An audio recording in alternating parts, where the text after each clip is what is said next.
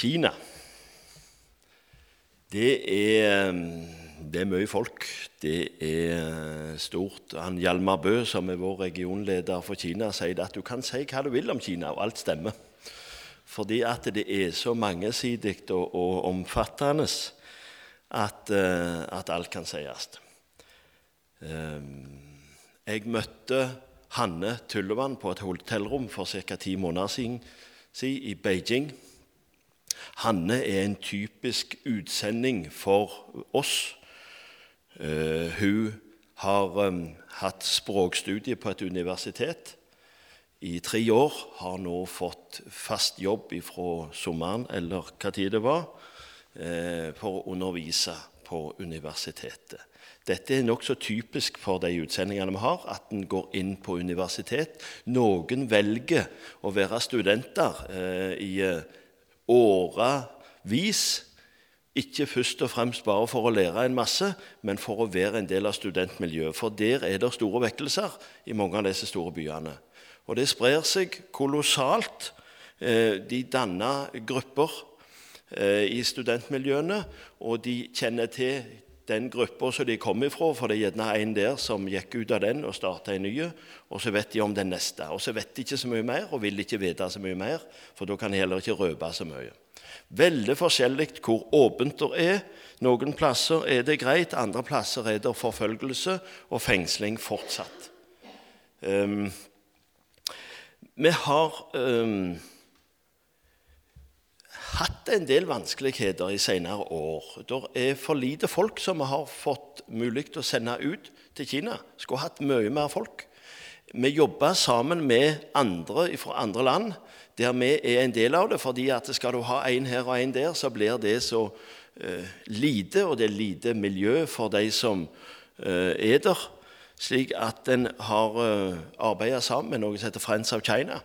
Hjalmar Bø er for tida formann. Jeg tror han våkna opp en morgen og fikk beskjed han var formann. for for han var nestformann, og formann han var blitt syk. Så han er vel formann i dette nå, der det er både amerikanere, eh, engelskmenn og fra flere andre land som får jobbe sammen i team rundt omkring.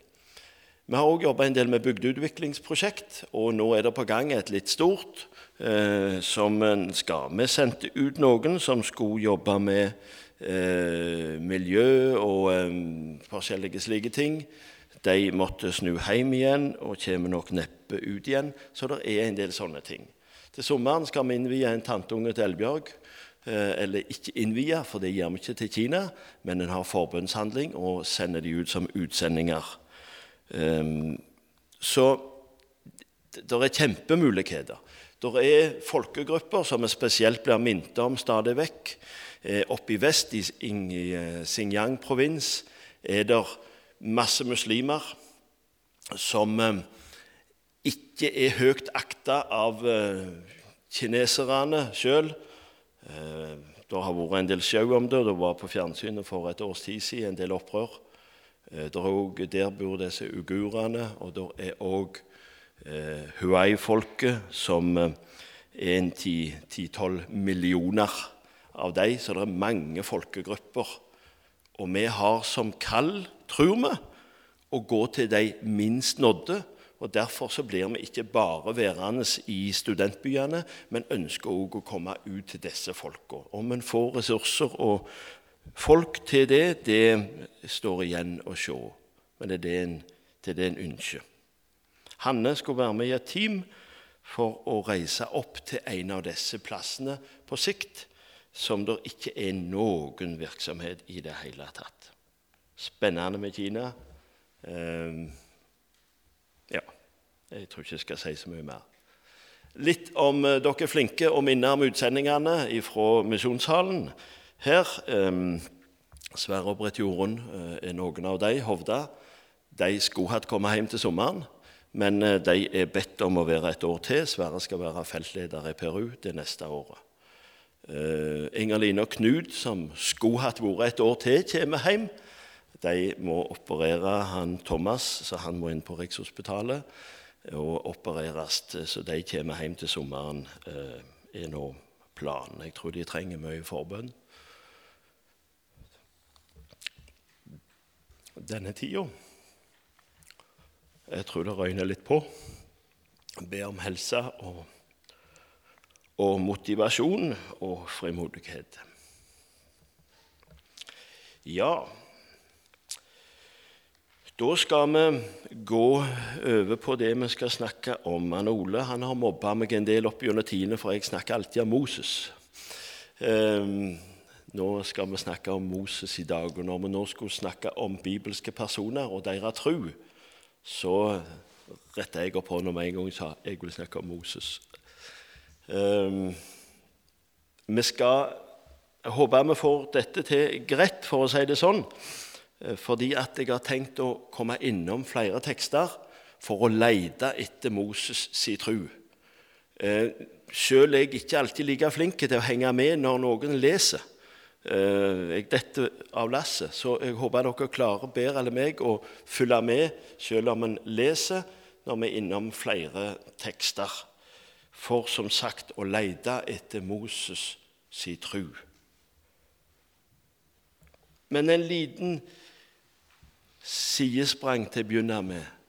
Eh, når eh, Kari leser teksten om om Balsprofetene, så må jeg bare fortelle en liten Vi hadde og har guttelag på Sviland.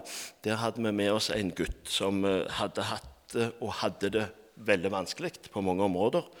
Eh, han hadde antageligvis de fleste bokstavene i alfabetet som diagnose. Eh, og, og, klarte aldri å sitte stilt. Det var helt håpløst. Vi, vi var fortvila, men vi synd i gutten, så vi, vi, vi klarte ikke å jage han ut heller. Men han greide bare ikke. Det så ut som han fikk med seg en døyt. Og så hadde jeg hatt andakt, og jeg hadde lest denne teksten som hun leser, om at ilden kom og brente opp alt sammen av offer, det som var ofra, og steinene på sida, og slikte opp vannet, hadde jeg lest. For det sto der.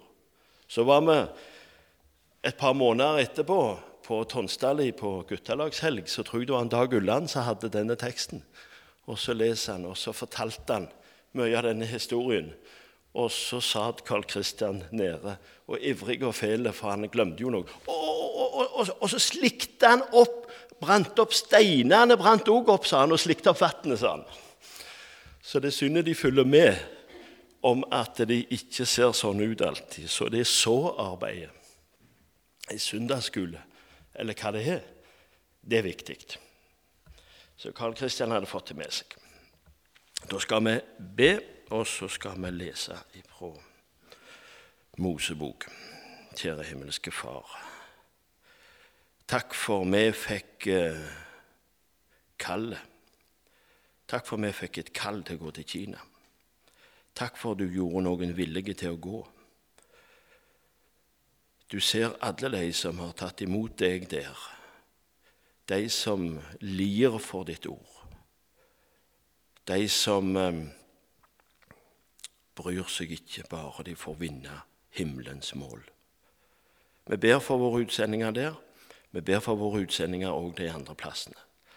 Nå ber vi om at du må være med i det vi skal si, og det vi skal dele.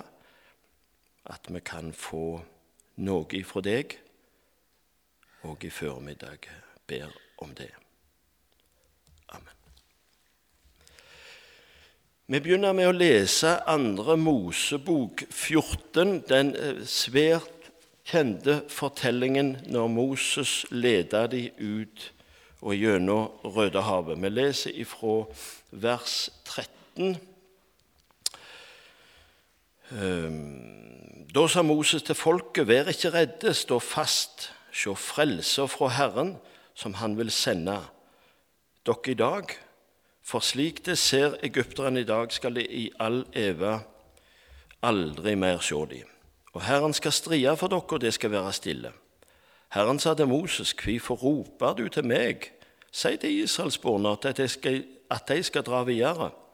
Og du, luft nå staven og rett handa di utover havet, og du skal kløyve det så israelsborgerne kan gå midt gjennom havet på tørre bunn. Men jeg vil forherde egypterhjertet, så de set etter dere, og jeg vil syne herligdommen min på farao og hele Herrens hus hans, Herren hans, på vognene og på hestfolket hans. Egypterne skal kjenne at jeg er Herren. Når jeg syner herligdommen min på far, farao, på vognene og hestfolket hans. Guds engel, som gikk framfor leiren og til Israel, flytte seg og gikk etter dem. Skystøtta, som var framfor dem, flytte seg og stilte seg bak dem. Slik kom hun mellom egypterleiren og Israels leir. På den ene sida var hun sky og mørker, og på den andre sida lyste hun opp natta.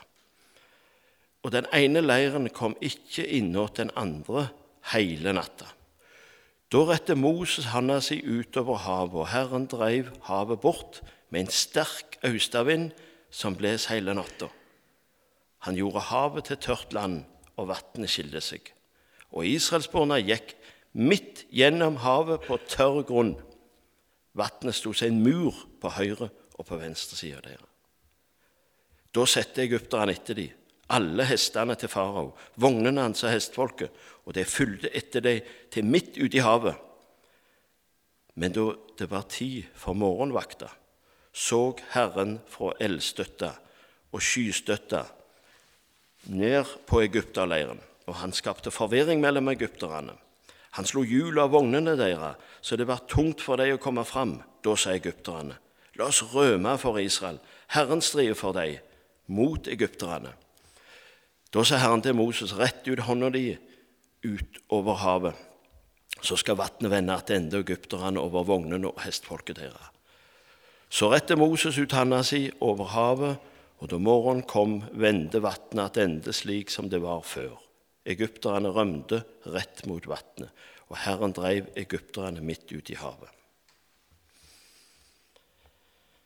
Dette er vel den mest tydelige, eller en av de mest tydelige frelseshistoriene jeg leser i Det gamle testamentet, sammen med denne som skjedde litt tidligere, når de skulle slakte et lam og stryke blodet på dørstokken. Moses, som skulle lede dette folket, han hadde blitt kalla til denne oppgaven tidligere. Hva tro hadde Moses oppi dette? Hva tro hadde han når han ble kalt til å lede israelsfolket? Han hadde hatt en høy stilling som farao. Han kjente systemet, han kjente trusselen. Han kjente makta. Han um, hadde tatt livet av en, så han måtte rømme. Og så kaller Gud på han. Og Så sier Moses nei, niks. Det nytter ikke med meg. Jeg kan ikke.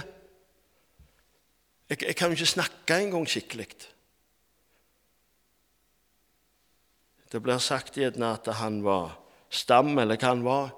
Det, det, det, må nok være noe med dette. Men kan det òg ha vært en unnskyldning? Jeg undres på om han kan ha hatt en høy stilling farao uten å kunne snakket for seg. Men det skal jeg ikke si jeg vet mye om. Ikke meg. Det går ikke. Dette går aldri i livet. Han kalte Gud. Og han brukte Gud fordi at han til slutt sa ja. Trua hans var iallfall ikke stor på seg sjøl. Trua hans var ikke at 'jeg fikser', 'jeg får det til', for jeg har erfaring. Jeg har lang erfaring. Jeg har vært hos farao, jeg kan dette. Jeg vet deres svakheter. Jeg vet hvordan jeg skal ta dem. Stikk motsatt. Han hadde ingen tro på seg sjøl. Men han sa ja, for han hadde tro på Gud. Han hadde opplevd så mye med Herren. Men dette Røde havet Kan du tenke deg? Der går de med gjerne en million eller to på slep Moses og rymer. Stikk motsatt vei av det de egne skulle, for de skulle bare ta snarveien rett bort der og så komme til Israelslandet. Og så går han andre veien med en million og to på slep, sinte og galne, opprørske og fæle. og Moses leder dem, og kommer ned i et hjørne der. Havet framfor. Ingen sjans. Det er skvett umulig.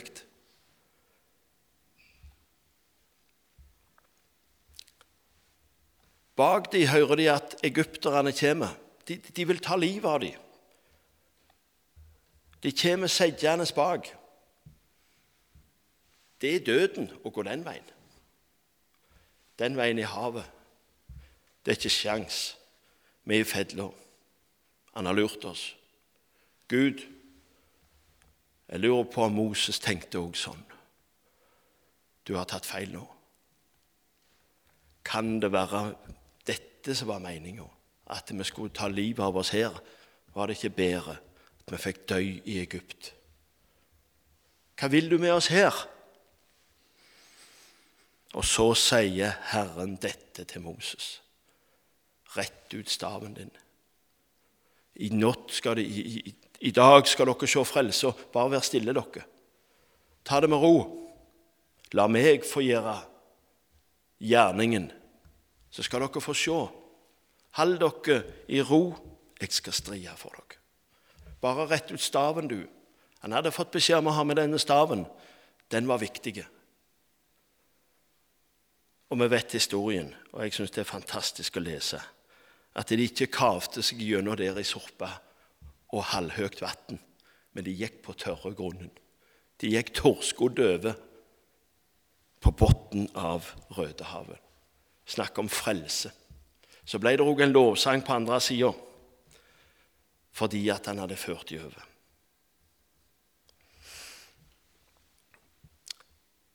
Har du møtt Rødehavet? i ditt liv? Har du vært der noen gang, eller er du gjerne der nå? Du har fortida bak. Du syns ting er vanskelig. Framfor er det bare et Rødehav. Det er ikke noen vei. Det er vanskelig. Det er ikke håp. Hva gjør jeg nå? Jeg tror noen hver har møtt noen sånne situasjoner. Det har såra seg litt til for oss. Framover er det ingen vei. Vær stille. Jeg skal stride for deg. Så i dag skal du få se mi frelse. Våger vi det? Klarer vi det i sånne situasjoner? Og sier Gud. Moses snudde seg, rett opp hendene. Se, Herre, hva gjør jeg nå? Og etterpå så gjorde han det Gud hadde sagt. Og det berga han, og det berga hele flokken.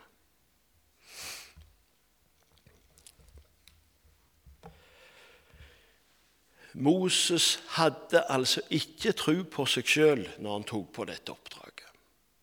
I dag hører vi litt av at vi må gjøre det vi duger til.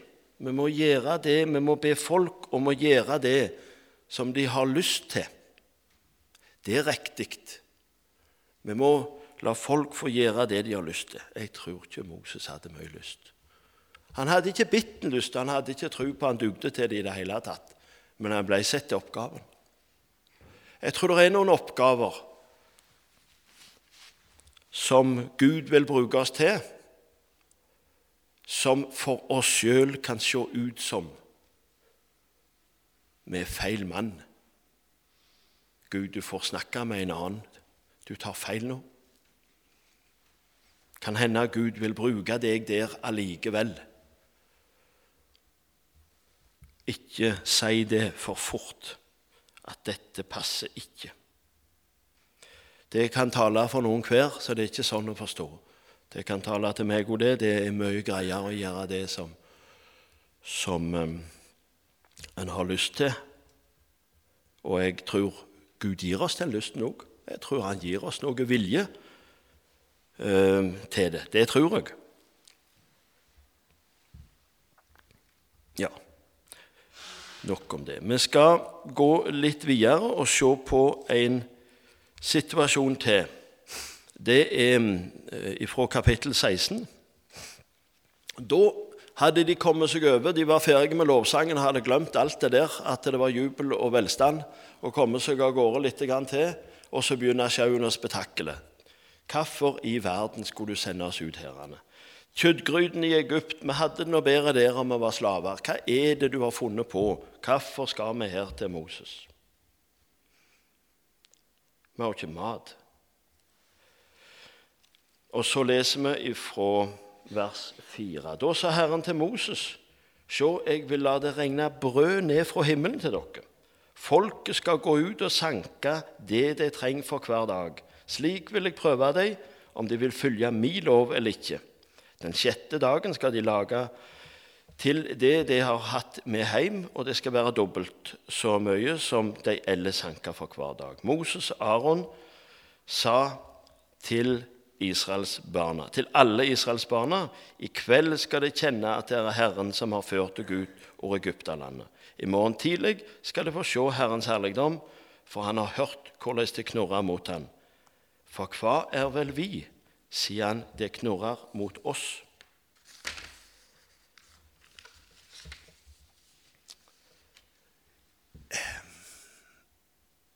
Hvordan kunne Moses våge å gå ut til sinte folk og si at i morgen skal det være masse mat?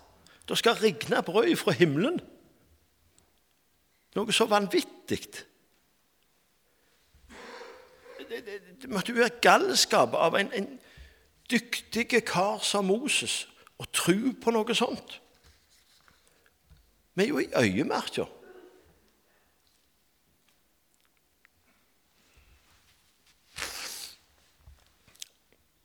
Og Moses sa, dette skal dere få se når Herren i kveld gir dere kjøtt å ete, og i morgen tidlig brød, så det blir mette. Han gikk ut og sa det. Se, han trodde på Gud. Han må ha trodd på Gud. Han må ha stolt på Gud. Men så sa han òg Hvem er vel vi? Vi er bare Guds høyttaler. Vi er bare et redskap. Vi er bare i Herrens tjeneste. Han ber oss være tjenere, ikke herskere. Han ber oss være på den plassen som Moses var, at han vendte seg til Gud når situasjonen ble krevende. Han ropte til Gud. Det er realisme i Moses sin oppfattelse av seg sjøl. Hvem er vel med? Det er jo Herren dere må klage til. Det er jo han som har styr på dette. herrene. Tenk at Moses har den ydmykheten, han som hadde hatt denne stillingen hos farao. Og det visste farao. Og det visste Moses. Og Allikevel så var han, så han at jeg er så helt avhengig av Gud. Jeg er så totalt Hvem er vel jeg? Jeg er bare en tjener. Jeg er bare et redskap. Det ligger en klar erkjennelse i Moses' i tru hvem han er, og hvem Gud er. Totalt avhengig av Gud i alt. I går morges hørte jeg et intervju med Arthur Arntzen. Jeg eh, vet ikke om andre hørte det, han som har eh, utgitt seg for å være Oluf. Eh, han, jeg, jeg, kom bare midt inn i intervjuet, så jeg fikk ikke med meg alt. Så det kan hende noen her har hørt mer og mer komplett eller meg. Han ble spurt om mor si. Han snakket ufattelig fint om mor. Jeg har møtt en engel her på jord, og det var mor. Vi hadde det så knaje, det var så vanskelig hjemme, men mor hadde gudstrua. Hun hadde to ting, sa han, og det er typisk for Nord-Norge det er gudstru, og det er humor, sa han. Og hvis jeg skulle velge en av dem, så er det gudstrua som er sterkest. Han fortalte at etter krigen så bodde vi på ei tyskerbrakke. Vi var seks stykker i familien. Um, og Det var mora som styrte butikken, for faren var syk. Om han var død da, eller om han døde senere, han døde som 50-åring eller noe slikt, sa han. Han hadde jobba i gruver og sa lite om sin gudstru, men mora sa mye. Det var så knaja at de mange ganger måtte gå på skolen uten å få mat med seg til skolen, for de hadde ikke. Og mora sa hver gang 'Han der oppe ordner med mat i morgen.' Og det var mat i morgen, sa Oluf. Da kommer alltid mat i morgen. Mor hadde sterk gudstro, og de andre familiene som bodde på denne tyskerbrakkene, sa han, de møtte så mye vanskeligheter, og det ble så svært og vanskelig for dem at veldig mange av familiene enten ble det store depresjoner, det ble alkohol, og det rakna hele greia. Men mor hadde gudstrua. Hun stolte på Gud. Og vi hadde mat, og vi klarte oss. Jeg syns det var et flott uh, vitnesbyrd han hadde om ei som hadde ei gudstru. Der var Moses òg. Det blir mat i morgen, for han der oppe følger med oss. I vårt velferdssamfunn er det vel ikke dette som er problemet. Vi er så velorganisert, vi fikser alt. Vi har ressurser, vi har alt. Vi trenger vel ikke Gud med da? Vi greier oss jo sjøl. Vi fikser det. Misjonssalen er velorganisert. Det går greit. Klarer vi oss uten? Greier vi det uten Gud med? Jeg må spørre meg sjøl mer enn én en gang.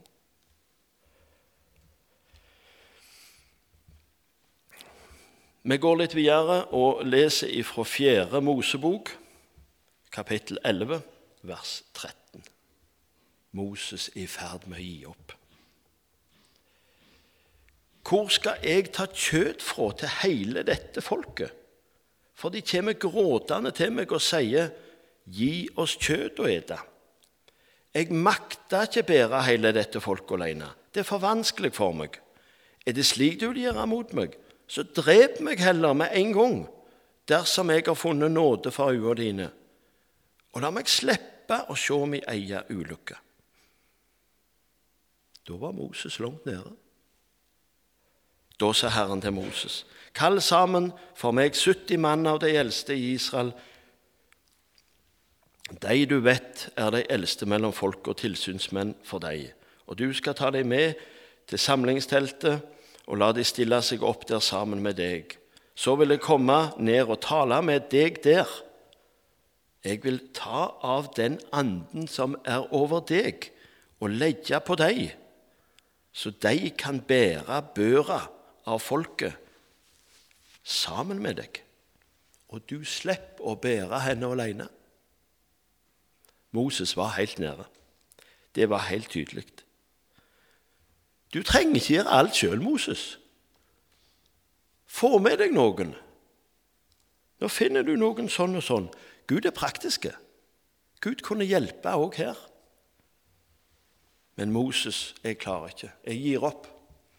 Det var ikke mye tru igjen, så det ut til, verken på seg sjøl, og jeg tror han tvilte på Gud òg. Jeg tror tvilen kom til og med til Moses. Jeg lurer på det. For vi leser det videre i vers 21.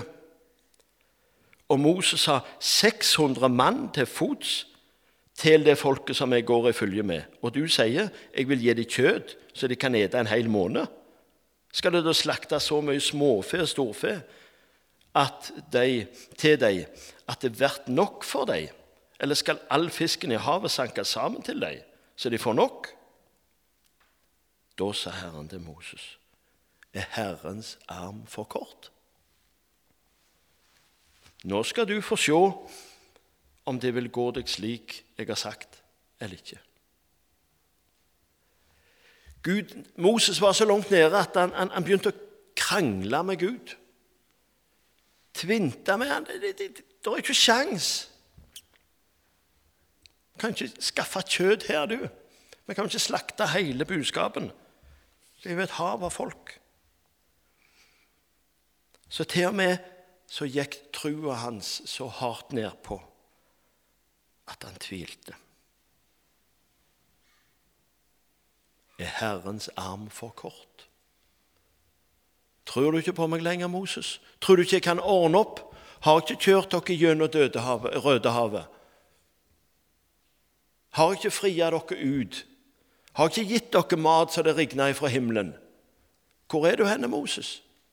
Du, tviler du på alt nå? Jeg har jo valgt deg ut. Jeg har vist deg så mye gjennom disse åra.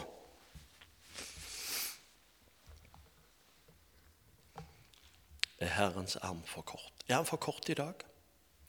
Er han for kort til oss?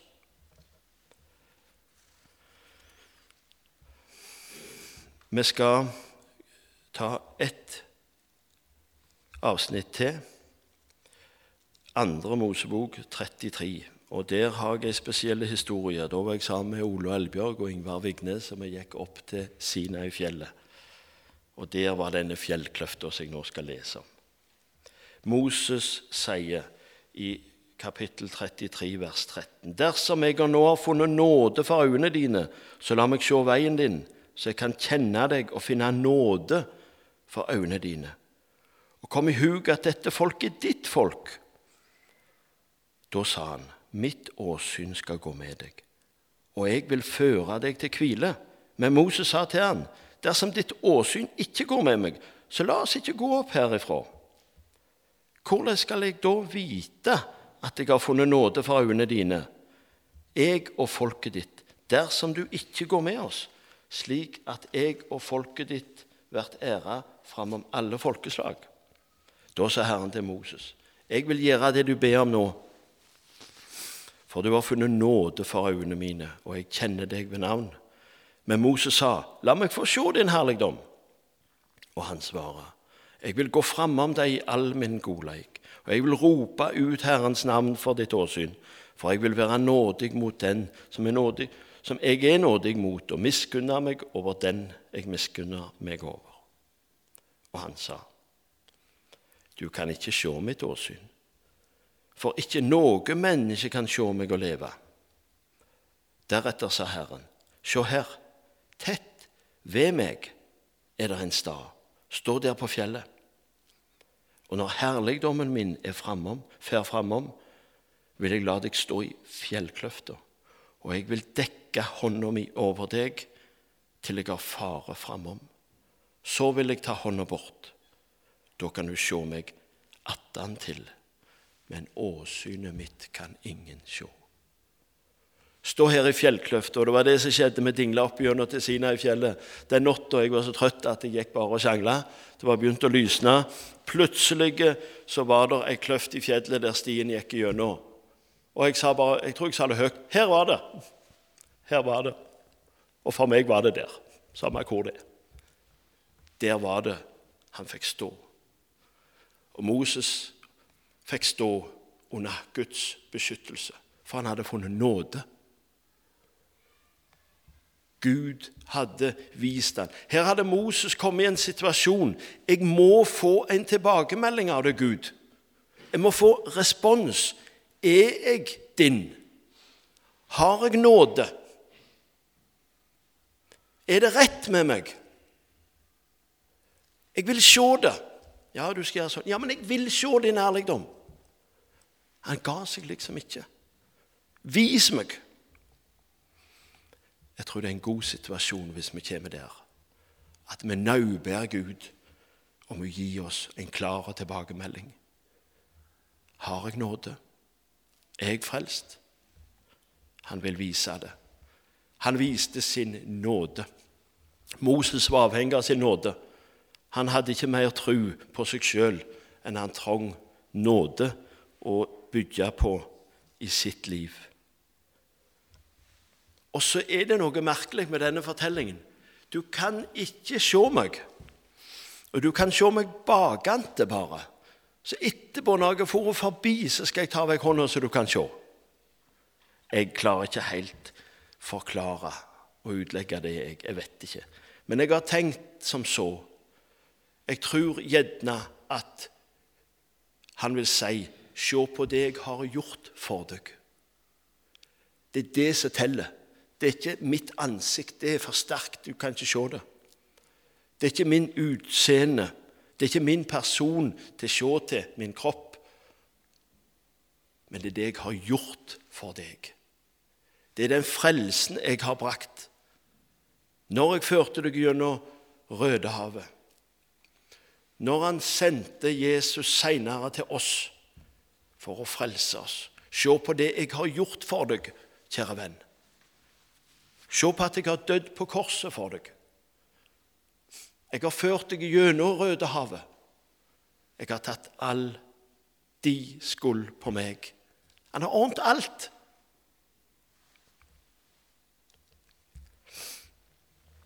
Han hadde fått nåde hos Gud og fikk stå der. Naube Gud om å få stå i den fjellkløfta når det røyner på. Ja, nå går tida her. Vi skal ta med helt til slutt et par ting til. og det er, Jeg skal, jeg, skal, jeg tror ikke vi leser dem, jeg bare forteller dem som sparer meg litt tid på det. De for videre ut i øyemarka, og så var det sjau og spetakkel igjen. Vi har ikke vann. I ørkenen uten vann. Du må gi oss vann. Så sa Gud til Moses, ta staven din, så slår du på fjellet, så skal vannet komme ut. Igjen beundrer jeg at Moses vågte. Han slo på fjellet, og vannet kom. Så gikk det ei stund til, lenge etterpå, sikkert mange, mange år, så kom samesjauen igjen. 'Moses, vi har ikke vann. Du må ordne vann.' Moses igjen vendte seg til Gud og sa, 'Hva skal jeg nå gjøre?' Ja, nå skal du tale til berget, og så skal vannet komme. Og så gjør Moses det. Han tar staven med seg, for Gud hadde sagt, 'Ta staven med deg og tal til berget, så skal vannet komme'. Moses tar staven med seg, og så gjør han som han gjorde sist. Han slår på han to ganger.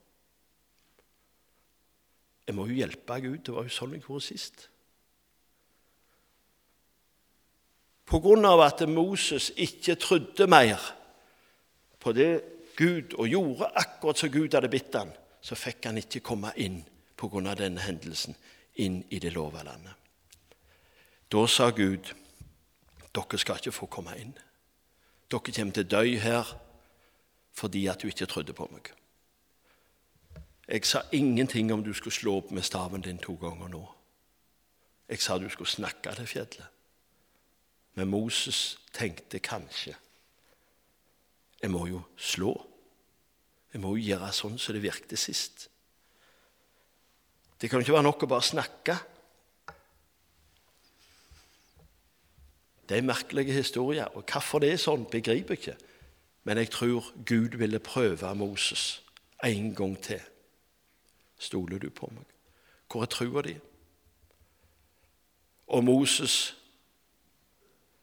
Ja, dette gjorde vi jo før. Det var jo sånn det virkte før. Er det sånn vi sier nå òg? Det var jo det som virkte før. Vi må jo gjøre det, for det virkte. Det er ikke sikkert at det alltid er samme oppskrifta i dag som det var for 50 år siden. Det er det samme evangelium. Det er den samme veien til frelse. Det er ingen ny vei. Kommer aldri til å komme heller. Men det er ikke sikkert at vannet kommer akkurat ut ifra samme hendelsen nå. Det kan hende han kommer på andre måter. Vi skal være ledere. Vår tro skal virke i dag, i dagens samfunn. Vi trenger ikke hjelpe Gud til å gjøre sin gjerning. Vi kan ha tru til Gud og la Han få strie. La Han få hvile. La, la vi hvile og la Han strie for oss. Og i dag. Og i dagens moderne samfunn. inn i den situasjonen vi har i dag, som vi syns er vanskeligere enn noen gang. Moses trodde på Gud, men han var nede av og til. Han skulle hjelpe til litt av og til. Han tvilte av og til. men han erkjente jeg er helt avhengig av Gud. La meg være der, i den plassen, at det er Han som gjør det.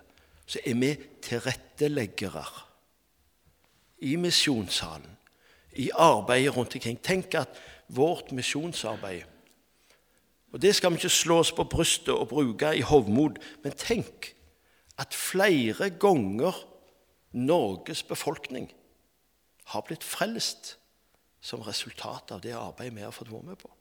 Er ikke det fantastisk? Det er mange millioner, det. Vi hørte om Kina. Og der finner vi mange av de millionene. Tenk at vi får være med på dette. Vår tru til Gud skal gi seg òg et resultat i at vi vil tjene Gud, bringe evangeliet.